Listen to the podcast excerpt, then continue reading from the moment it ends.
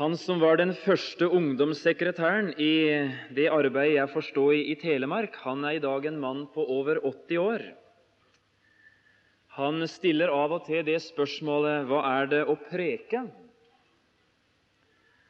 Og jeg syns for min del at han svarer så fint på det. Å preke, det er å bringe tilhørerne i kontakt med Skriften. Det var vel i en viss grad det vi så gjerne ville med bibelkurset vårt.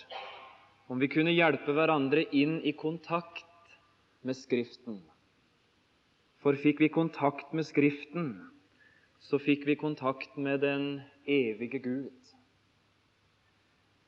Jeg tror vi vil be om at det skjer. Kjære Far i himmelen. Nå vil vi først av alt takke for ditt levende ord. Takk at du ga oss ordet ditt, og i det alt som tjener til liv og Guds frykt. Nå ber vi at det underet måtte skje, at det ble knytta kontakt mellom våre hjerter og ordet ditt. Vil du ved din hellige ånd opplate Skriftene for oss, opplate våre hjerter at det kunne bli kontakt mellom vårt hjerte og Guds hjerte.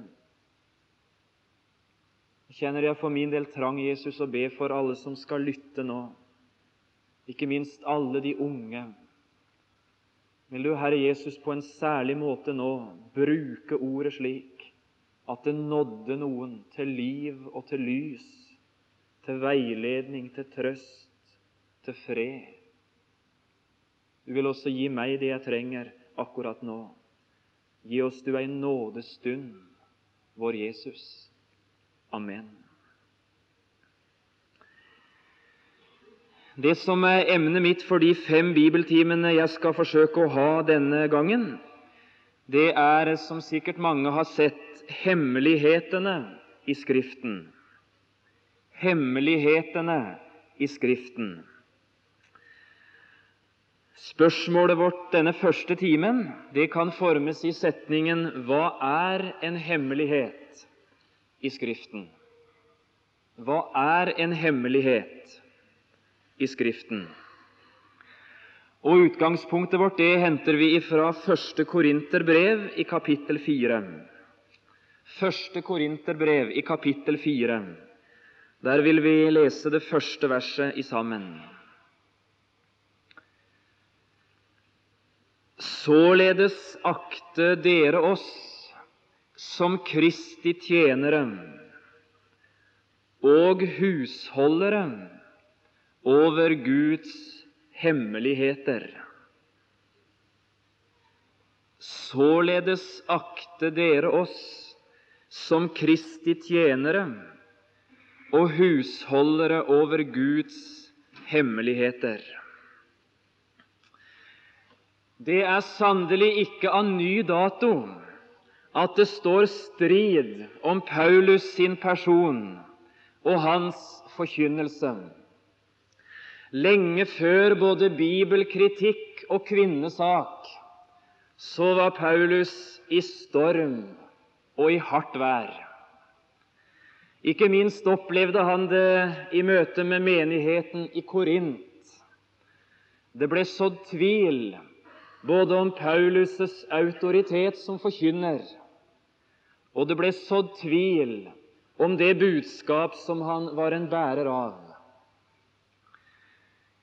Det er kanskje derfor at Paulus, slik som i dette ordet, finner det nødvendig å markere, understreke, hvem han selv egentlig er, og hva hans oppgave som forkynner består i.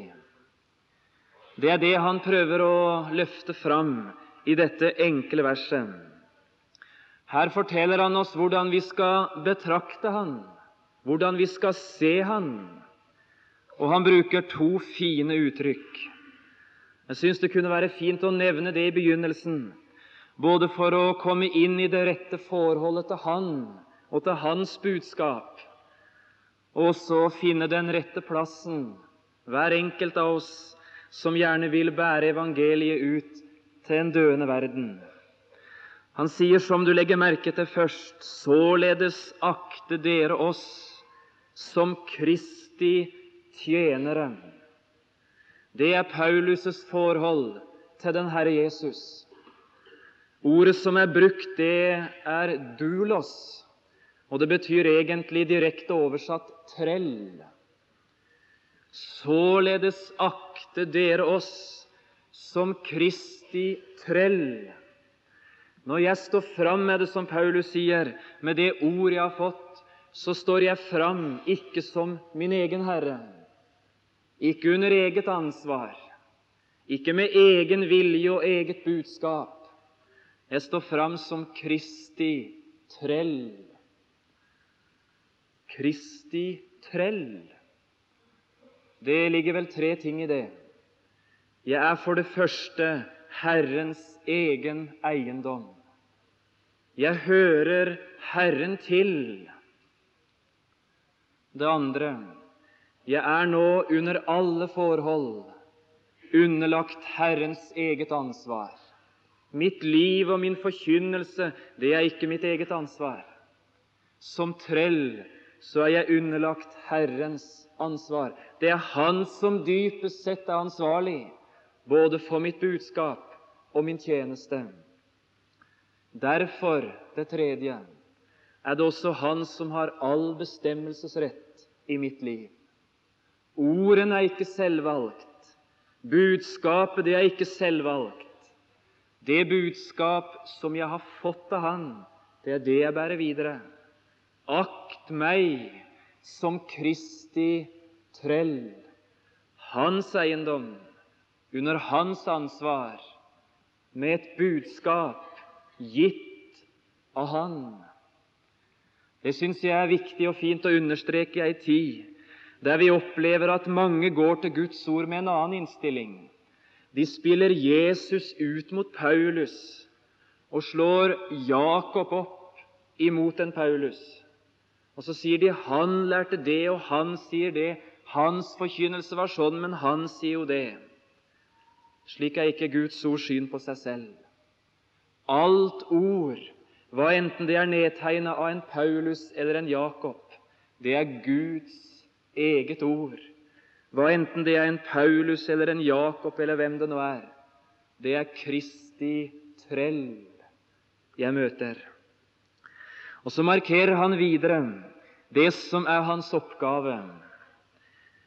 En husholder over Guds hemmeligheter. Det er forskjell på å være husholder og å være eier. En husholder, det er en som forvalter en annens eiendom. Og det er akkurat det Paulus vil si. Når jeg nå står fram med et budskap, Guds hemmeligheter, så er jeg bare forvalter. Jeg har fått beskjed å bære fram. Jeg har fått beskjed å ta hånd om. Jeg har fått beskjed i mitt liv å forsøke å forvalte noe som egentlig hører Han til. Det er Guds hemmeligheter. Jeg er bare en forvalter. Paulus' budskap, det er altså kort og enkelt sagt budskapet om Guds hemmeligheter. Og Det er det vi skal prøve å stanse litt for disse timene. Det evangelium rakt fra himmelen, Guds hemmeligheter. Fikk vi tak i det budskap, så fikk vi tak i grunnsannhetene i Guds frelsesråd. Hvis vi går fram til Romerbrevet i kapittel 16, så finner vi dette understreka så fint. Det er i vers 25 og 26 at Paulus avslutter det mektige romerbrevet. Og Så sier han det sånn, vers 25.: Men Ham som er mektig til å styrke dere etter mitt evangelium og Jesu Kristi forkynnelse. Og Så stanser Paulus litt der, og så er det som han må, må, må, må utdype litt hva hans evangelium virkelig er for noe. Og så sier han etter åpenbaringen av den hemmelighet som har vært fortidd i evige tider, men nå er kommet for lyset, og ved profetiske skrifter etter den evige Guds befaling kunngjort for alle folk, for å virke troens lydighet. Mitt evangelium, det er noe som har forbindelse med en hemmelighet. Den har vært fortidd ifra evige tider, men nå, nå er den kommet for dagen. Nå er den brakt fram i lyset, og den finnes i det budskap mitt evangelium. Dette var hva Paulus fikk beskjed om helt ifra begynnelsen. I apostelgjerningene 26 står Paulus for kong Agrippa. Han er krevd til regnskap både for sitt liv og sin tjeneste. Frimodig står han fram og vitner hvor utgangspunktet kom. Det skjedde utenfor Damaskus, sier han. Apostelgjerningene 16. Hvis du ser i vers 15, så, så spør Paulus etter å være overstrålt av et lys fra himmelen, Hvem er du, Herre? Han hadde hørt en røst, og Herren sa, Jeg er Jesus, han som du forfølger. Og så kommer det noe. Men reis deg opp og stå på dine føtter. For derfor Her er grunnen, her er hemmeligheten, her er hele årsaken. Derfor åpenbarte jeg meg for deg, for å utkåre deg til tjener og vitne både om det som du har sett, og om det for hvis skyld jeg vil åpenbare meg for deg. Jeg frir deg ut fra folk og hedningene som jeg sender deg til, for å opplate deres øyne, så de kan vende seg fra mørke til lys, fra Satans makt og til Gud, for at de kan få syndenes forlatelse og arvelodd blant dem som er helliget ved troen på meg.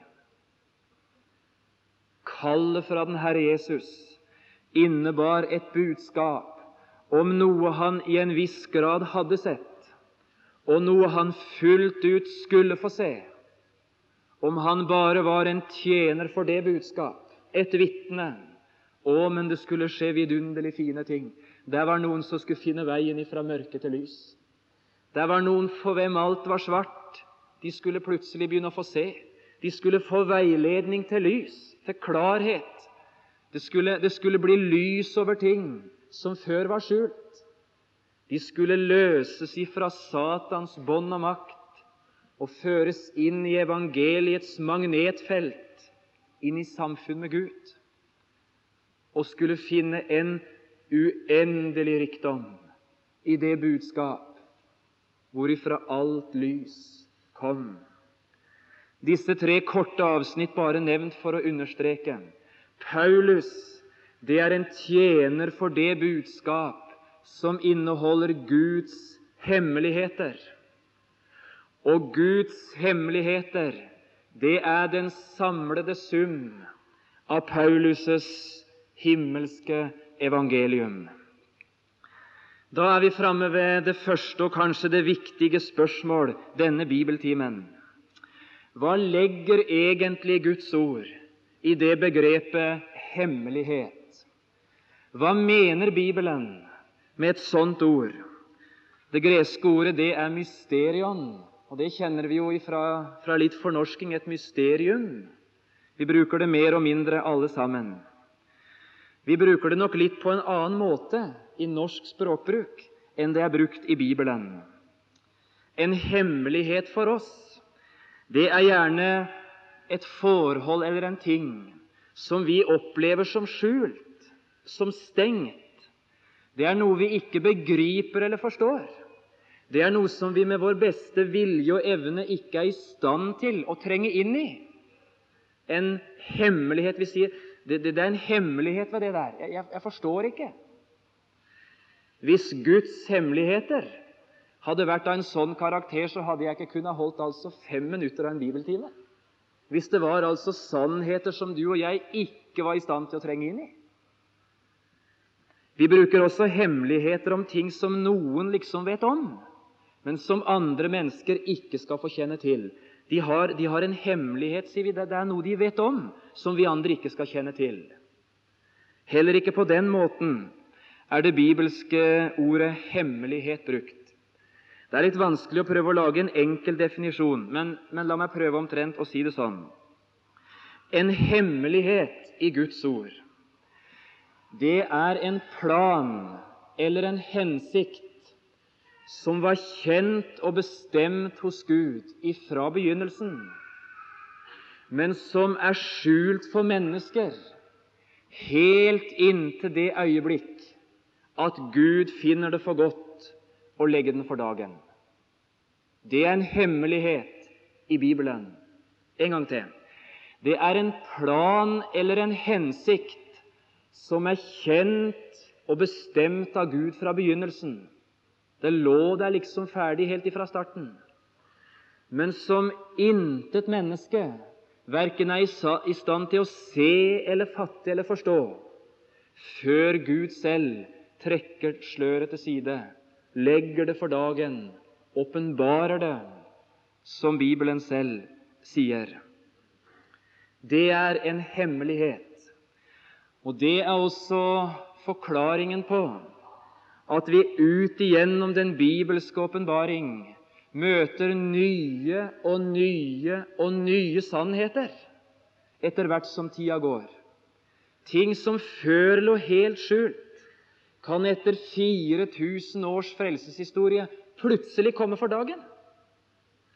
Om mennesker hadde levd med åndelig klarsyn i 4000 år, så hadde de likevel ikke sett dette her. For det var en hemmelighet.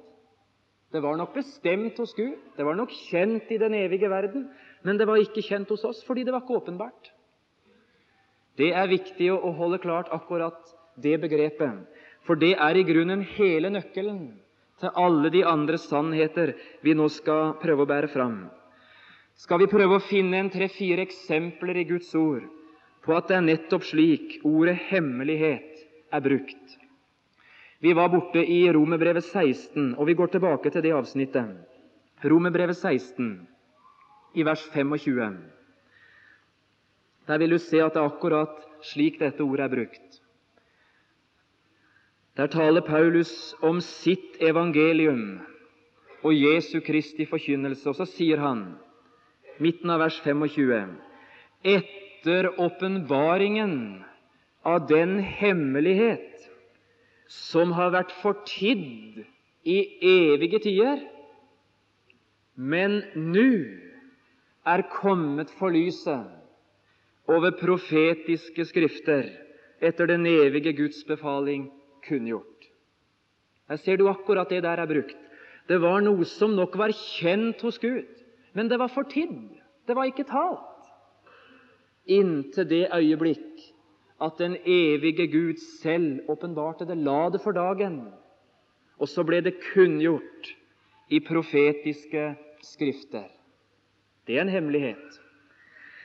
Det fineste og kanskje sterkeste eksempel det er Efesebrevets tredje kapittel. Efeserbrevet 3. Vi bare henter en tre-fire bibelavsnitt fram for å understreke denne hovedsannheten. Der taler Paulus om den store hemmeligheten i Efeserbrevet, nemlig menighetens hemmelighet. Og Så sier han vers 3 i Efeserne 3 at Gud har ved åpenbaring, sier han, kunngjort ham hemmeligheten. Hva for en hemmelighet? Jo, sier han, således som jeg ovenfor har skrevet med få ord.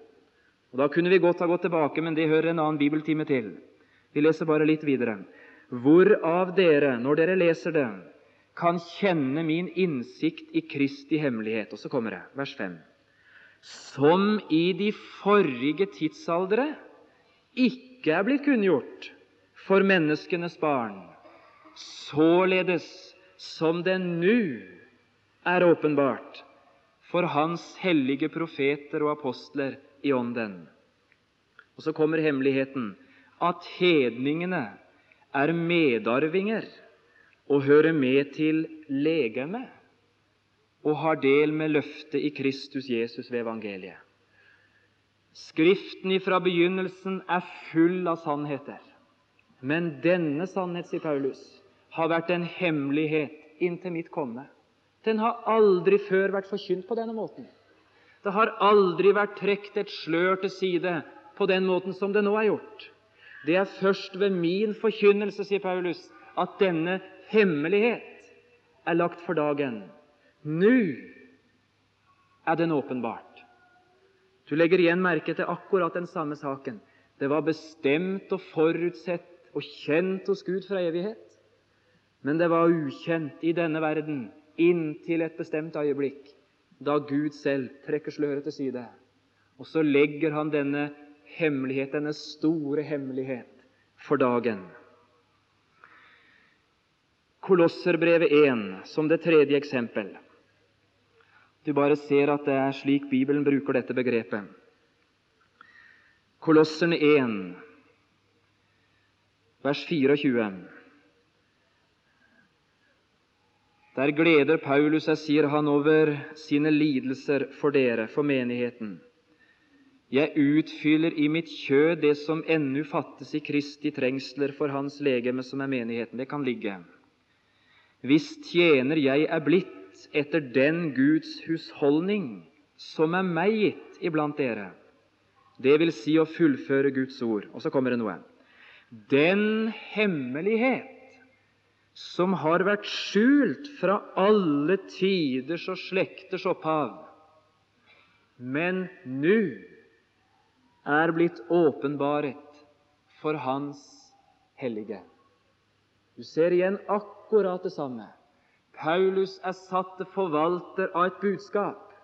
Det var kjent hos Gud fra evige tider, men det var på en måte tilbakeholdt. Det var ikke gjort kjent før han som forvalter over denne hemmelighet, fikk beskjed å legge den for dagen.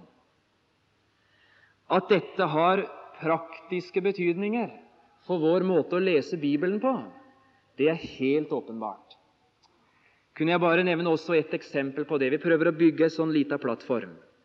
Jeg har lyst til å ta et eksempel som er veldig betegnende, ut ifra dette vi har lest nå om menigheten. Vi holder altså det klart, sjøl om vi kommer tilbake til det litt seinere en annen time, at, at sannhetene om Guds menighet, altså et, et åndelig folk bestående av jøder og grekere og nordmenn, alle slags hedninger, som ved troen på Jesus er kommet til liv i Gud, og innlemma i dette nye, usynlige folk, menigheten, at den sannhet aldri er forkynt før Paulus. Det betyr jo at alt som, som før er skrevet, av sannheter og lærdommer, dypest sett ikke går på menigheten. Ikke sant? Nå slår vi opp Matteus 24. Matteus 24.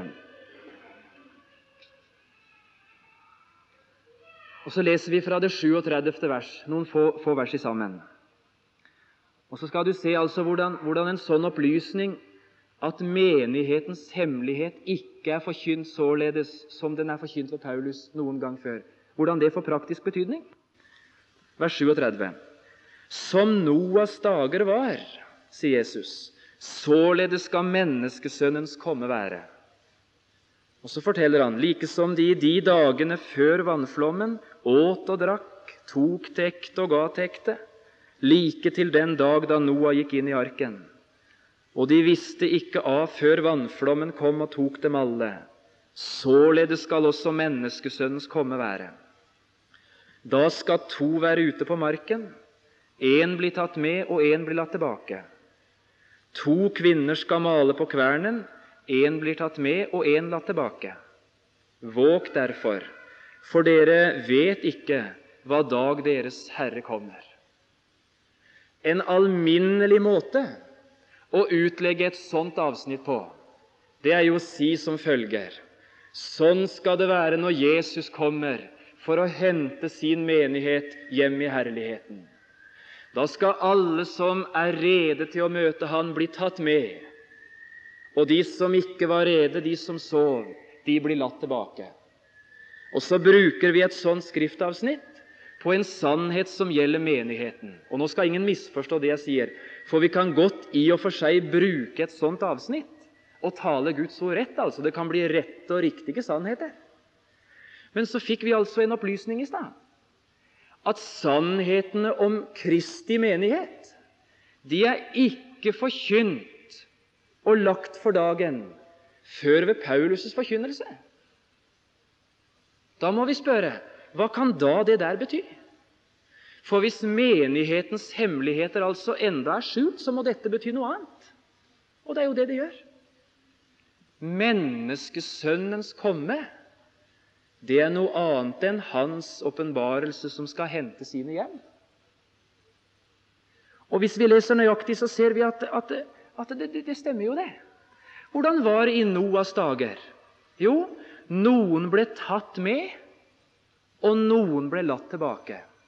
De som ble tatt med, sier Jesus, det var ikke de som ble frelst. For det var vannflommen som tok de. Når de ble tatt med, så ble de tatt med til dom. Og Sånn skal det da ikke være når Jesus kommer for å hente sine. De som blir tatt med, de blir, de blir ikke tatt med til dom, de blir tatt med hjem. Altså, og, og Når menneskesønnen kommer, så skal det være på samme måte som i Noas dager. De som blir latt tilbake, de blir latt, latt tilbake som frelste. De som blir tatt med, de blir tatt med til dom. Og Så legger vi merke til at dette går jo på, på en annen begivenhet enn Kristi komme til, til lufthimmelen når han henter sine. Dette går på menneskesønnens komme den dagen han kommer og setter sine føtter på Oljeberget. Ser du det? Vi kan ikke gå noe mer inn på det, men, men du ser hvordan det får praktisk betydning for forståelsen av bibelavsnitt å være klar over hvordan Guds ord utvikler seg på en måte, hvordan hemmeligheter legges for dagen opp igjennom. Vi kommer kanskje litt tilbake til det. Vi kunne ha gått litt mer grundig inn på det. Men, men du ser iallfall forhåpentligvis at det er en nøkkel og en hjelp til å forstå Guds ord rett. Vi må prøve å trekke fram en tre-fire sannheter nå i andre delen av bibeltimen generelt om Guds hemmeligheter. Den første hovedsatsen jeg har lyst til å understreke da, det er dette. Guds hemmeligheter, og det er viktig, de finnes i dag bare i Guds ord. De finnes i dag bare i Guds ord. Vi var bortpå et ord i Kolosserbrevet 1 i stad, og det har jeg lyst til bare å betone enda litt sterkere. Der sier Paulus hva som er hans oppdrag i denne verden. Han har fått en husholdning, sier han i Kolosserne 1,25. Hvis tjener jeg er blitt etter den Guds holdning som er meg gitt iblant dere, og så sier han, det vil si å fullføre Guds ord. Så ved Paulus' forkynnelse i tillegg til de tolv apostlers forkynnelse, eller de elleve da foruten Paulus, så er Guds ord fullført. Alt hva Gud har å si oss mennesker, også i dag, det har Han sagt. Det er ingen nye hemmeligheter i vente for Guds folk. For summen av alle hemmeligheter, de er i Skriften. Og Når jeg nevner det såpass bastant, så er det fordi vi lever i ei tid der det stadig dukker opp såkalt nye hemmeligheter ifra Gud. Ikke fordi jeg vil noen vondt, men fordi jeg vil illustrere. Så har jeg lyst til å fortelle hva vi opplevde hjemme på Notodden i fjor i august. I en evangelisk aksjon står en sikkert velmenende forkynner fram med et såkalt profetisk budskap. Og I det budskapet fikk vi høre en hemmelighet som vi aldri hadde hørt på Notodden før. Han hadde nemlig fått det med det, og så sier han det jo så sterkt som det ofte lyder i sånne sammenhenger som det der, at hvis ikke Notodden som by omvendte seg i løpet av ett år, så var nådetida for byen vår slutt august neste år. Her var jo en hemmelighet som vi aldri hadde hørt før. Og folk i teltet de ble jo så forskrekka at de, en del av de satte seg bak, bak i teltet etter, etter, den kvelden, for de var livredd for han som sto og preka på den måten der. Og skal vi si om sånn som det der? Vi skal si sterkt er det, men ikke Gud. om det lyder i Guds navn, og om det lyder så sterkt at folk blir, blir forskrekka, altså, så er dette hemmeligheter som ikke har med Gud å gjøre. For Gud er ikke sånn. Alt Han har på sinne å tilkjennegi av hemmeligheter, alt det du og jeg trenger å vite om, det er gitt i Guds ord. Ja, sier noen, men Jesus sa jo til sine disipler i avskjedstalen i Johannes 16.: Ennå har jeg meget å si dere, men dere kan ikke bære det nå. Men når sannhetens ånd kommer, så skal Han veilede dere til hele sannheten. Er ikke det nettopp en bekreftelse på at, at vi kan vente det at etter Guds ånds komme på pinse, da, så vil det stadig komme nye sannheter ifra himmelen? Nei, sier Guds ord. For det Jesus her taler om, det kom i og med Paulus og den samlede, ferdige Bibel. Gud har talt, og alt som hører Guds hemmeligheter til, er å finne i denne boka. Vi er kolossalt mange unge mennesker på, på dette her kurset. Og jeg vil tro at mange, mange av dere har hørt lignende ting av det jeg bare illustrerte med nå. Enkelte ganger kan vi lese om budskap gitt av engler. Enkelte ganger hører vi om budskap i, i såkalt profetisk tale på denne måten her. Og alltid så er det nye ting som dukker opp som vi ikke visste før, før, før, fra Bibelen. Jeg har altså så lyst til å si å være forsiktig, det er ikke å være skeptisk, men det er å være edru. Og det er en dyd for et Guds barn å være edru. Jeg har lyst til å si vær så edru og vær så trygg på Guds ord at du sier alt det jeg har bruk for både å vite og høre, det har jeg fått i denne boka. Og hva jeg enn hører som ikke står eller stemmer med denne boka, det har jeg ikke bruk for. Du kan aldri tro for mye på Guds ord. Du kan aldri få for mye nok i Guds ord. Galt blei det når du gikk lenger eller en annen vei enn Guds ord gikk. Dere som er gamle, eller iallfall eldre Det er vel ingen gamle her, forresten, dere som er eldre. Dere husker disse finlandsprofetiene som kom. Det er mange år siden, og det rista hele Kristen-Norge. Og den ene etter den andre kristelige leder altså ble revet med. Det var de som hadde rett, som holdt seg til Guds ord. Det fikk tida vise. Jeg har altså så lyst til å si Guds hemmeligheter, de er å finne i Skriften. Og de hemmeligheter vi ikke finner her, de har vi ingen bruk for. Profetisk tale nevnte jeg så vidt. Kanskje var det betimelig å si et lite ord om det. Det er jo av de ting som er altså voldsomt oppe i tida. Profetenes og apostlenes tid er forbi. Profeter og apostler det var nemlig mennesker som i kraft av sitt kall og sin utrustning både hadde mulighet og myndighet til å tale sannheter på vegne av Gud, også sannheter som aldri var hørt før.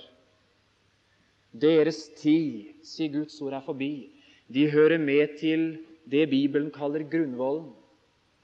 Vi som hører Kristi menighet til i dag, vi er bygget opp på apostlenes og profetenes grunnvoll. Så i den forstand som vi møter det i Bibelen, er det verken apostolisk eller profetisk tale å høre mer. Det apostoliske og profetiske budskap i dag, det er i Guds ord. Det eneste Bibelen sier om den profetiske tale, som er, er vedvarende. Det er 1. Korinterbrev 14,3.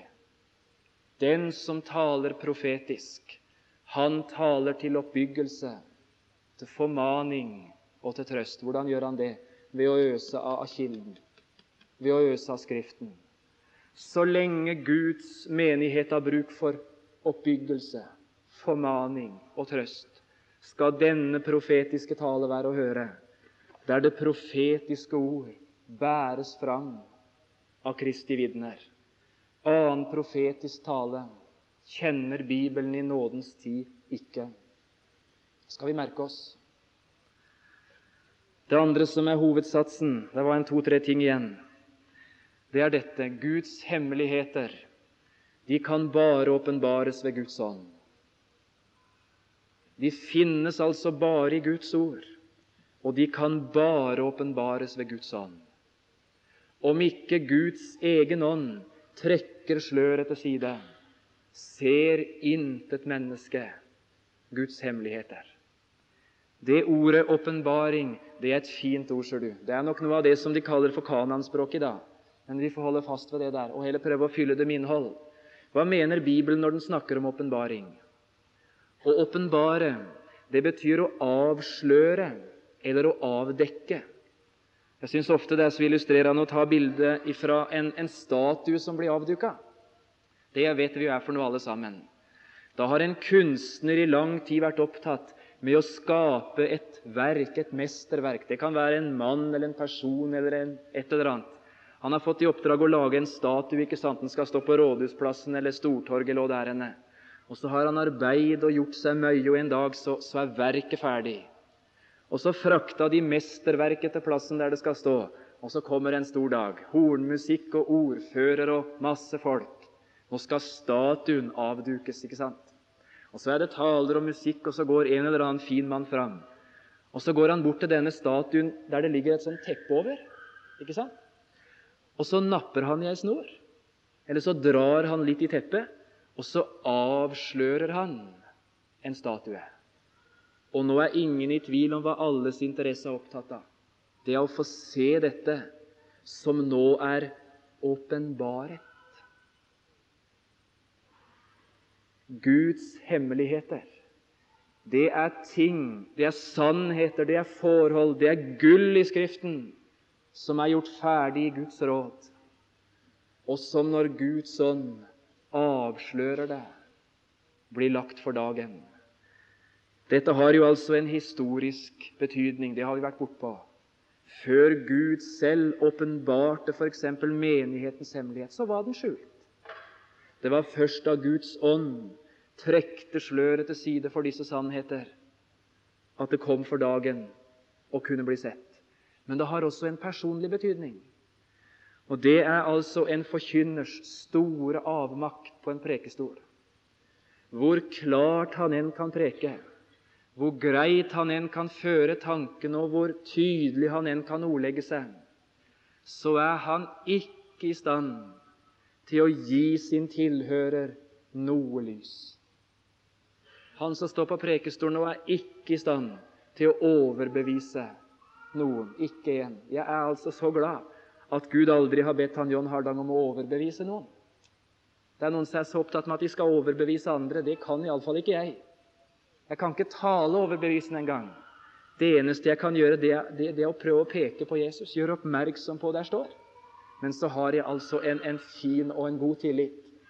At jeg har en usynlig medarbeider på en prekestol som går omkring i benkene når det tales, og, så, og som rører ved ordet litt, og som, som understreker og som betoner, og som rører ved tanken, og som hvisker inn i djupet av en sjel. Sånn er det. Ser du det der? Dette er Jesus. Sånn er han. Dette er for deg. Og Så går han omkring og så trekker han sløret til side en gang iblant ifra noens hjerter, og så sitter der noen, og så, så får de høre seg til lys. Det er som de får se noe, altså. Ikke ved, ved en forkynners ord, men fordi Guds ånd brukte ordet, trekte sløret til side. Å, men så så vi det. Jeg har hatt noen sånne, mange sånne stunder på, på, på tilhørerplass. Jeg syns det er altså velsigna. Når det står en på talerstolen, og så leser han et ord, og så utlegger han det, og så er det akkurat som Å, så begynner det, det, det, det åpner seg, liksom. Ja, men er det sånn det er? Ja, men er det sant? Er dette for meg? Å, men Og så ser vi noe, og så får vi gripe det. Fordi Guds ånd avslørte det for oss, avdekket det, åpenbarte det. Velsigna sannhet. Å, men vi er altså avhengig av visdoms og åpenbaringsånd i bibelkurset vårt. Vi kommer til å reise altså tomme hjem om ikke den ånd får legge ordene inn i dypet av vår sjel. Derfor ber Paulus så fint for efeserne. Vi er øyeblikk ferdig. Der sier han det når han bøyer sine knær. Efeserne 1, 15 og utover. Du kan gjerne notere det avsnittet. Han har hørt, sier han, om deres tro på Jesus og om den kjærlighet de har til alle de hellige. De er i Efesus. Han har hørt så, så godt nytt fra Efesus. Og så må han takke Gud. Jeg holder ikke opp med å takke for dere, sier han, når jeg kommer dere i hu i mine bønner. Og så ber han, vers 17, at vår Herre Jesu Kristi Gud, herlighetens Fader, måtte gi dere visdoms- og åpenbaringsånd til kunnskap om seg, og gi deres hjerte øyne. Nei, for det hadde de fra før. Og gi deres hjerte opplyste øyne. I kraft av den nye fødsel så, så hadde de fått sanser. De hadde hørsel. De hadde syn. Å, men om Han, visdoms- åpenbaringsånd, måtte gi deres hjerter opplyste øyne, gi deres øyne lys, at dere så klart.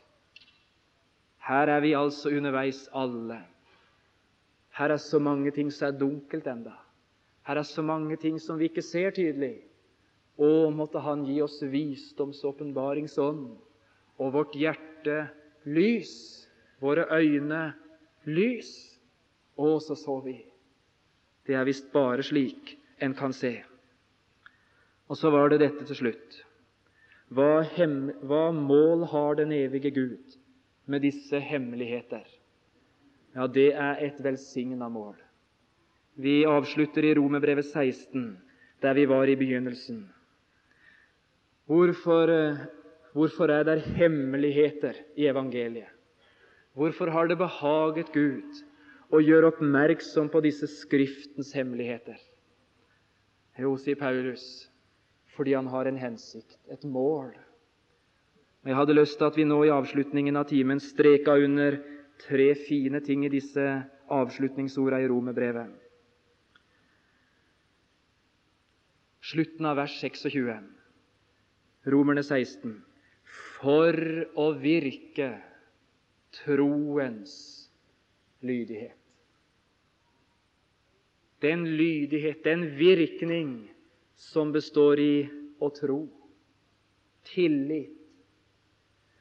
Når den evige Gud ved sin ånd legger evangeliet om Jesus inn i et hjerte, så er det for å føre den, den tomme sjel til levende tro. Det er for å virke troens lydighet. Jeg kan altså ikke forklare på en måte hva som gjør at jeg er en troende i dag. Det er ikke noen mekanisme i meg som gjør at jeg er liksom noe mer skikka til å være en troende enn alle kameratene mine hjemme fra skolen på Notodden. Men altså, nå er de fleste av kameratene mine ikke troende, men, men jeg får være en troende. Den eneste forklaringen jeg, jeg kan ha, det er det jeg har møtt noen i min vei som har lagt evangeliet inn i min sjel. De har malt Jesus ved ordet sånn for meg at det har vakt noe. Det har vakt tillit. Det har vakt tro. Det er noe som har liksom hviska inn John, det er sånn det er. Dette er sant. Ved å kunngjøre sannheten så anbefalte de seg til min samvittighet. Så var det noe som sa dette er sant. Det var tillitvekkende, det ordet en hørte. Sannheten om Guds hemmeligheter det skulle være tillitvekkende sannheter. Sannhet til tro. Den andre hensikt, vers 25. Han er mektig til å styrke dere. Tro, tillit, men også styrke og kraft. Det merkes best i stormen. Det merkes best i uværet. Det merkes best når lærdomsværa blåser, om hemmelighetene har bevirket styrke, fasthet, trygghet. Det tre er aldri farlig storm som er rotfesta. Det skipet er aldri i fare i strøm og i vind som er ankerfesta. Her er mange unge mennesker nå. Jeg skal undre meg på om ikke mange her har bruk for å bli enda noe mer rotfesta, grunnfesta, ankerfesta, styrkt i Guds ords grunn. At det blåser vær nå om dagen som kan rive oss opp med rot. Det trenger en ikke være profet for å se. Å, men det var slik av betydning at vi ved ordets hemmeligheter ble grunnfesta i sannheten. Styrke. Og så til sist Han, vers 27, den ene vise Gud ved Jesus Kristus, være æren i all evighet. Å, som det er sant! Når Guds ånd trekker sløret til side, og hemmelighetene får lyse, evangeliet stråle, så går vi hjem. Det var, det var en vidunderlig predikant. Nei, nei. Det var en vidunderlig frelser. Å, men er han så stor, Jesus? Er, er han så vidunderlig? Er det så dyrebart? Er det slik rikdom i ham? Der evangeliets hemmeligheter forkynnes, der løftes Jesus frem og så blir all ære hans velsigna frukt. Å, om Jesus ble rett stor for vårt hjerte, da var hemmelighetene begynt å åpenbares.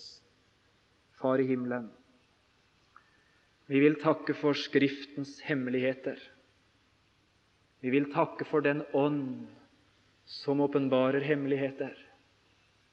Og vi vil be, slik vi er minnet om i dag, om et hørsomt hjerte. Vi vil be om lys, om ro og om klarhet over de himmelske hemmeligheter. At du kunne bli stor, at tillit og trygghet kunne bli vårt hjerte til del. Hør vår bønn. Amen.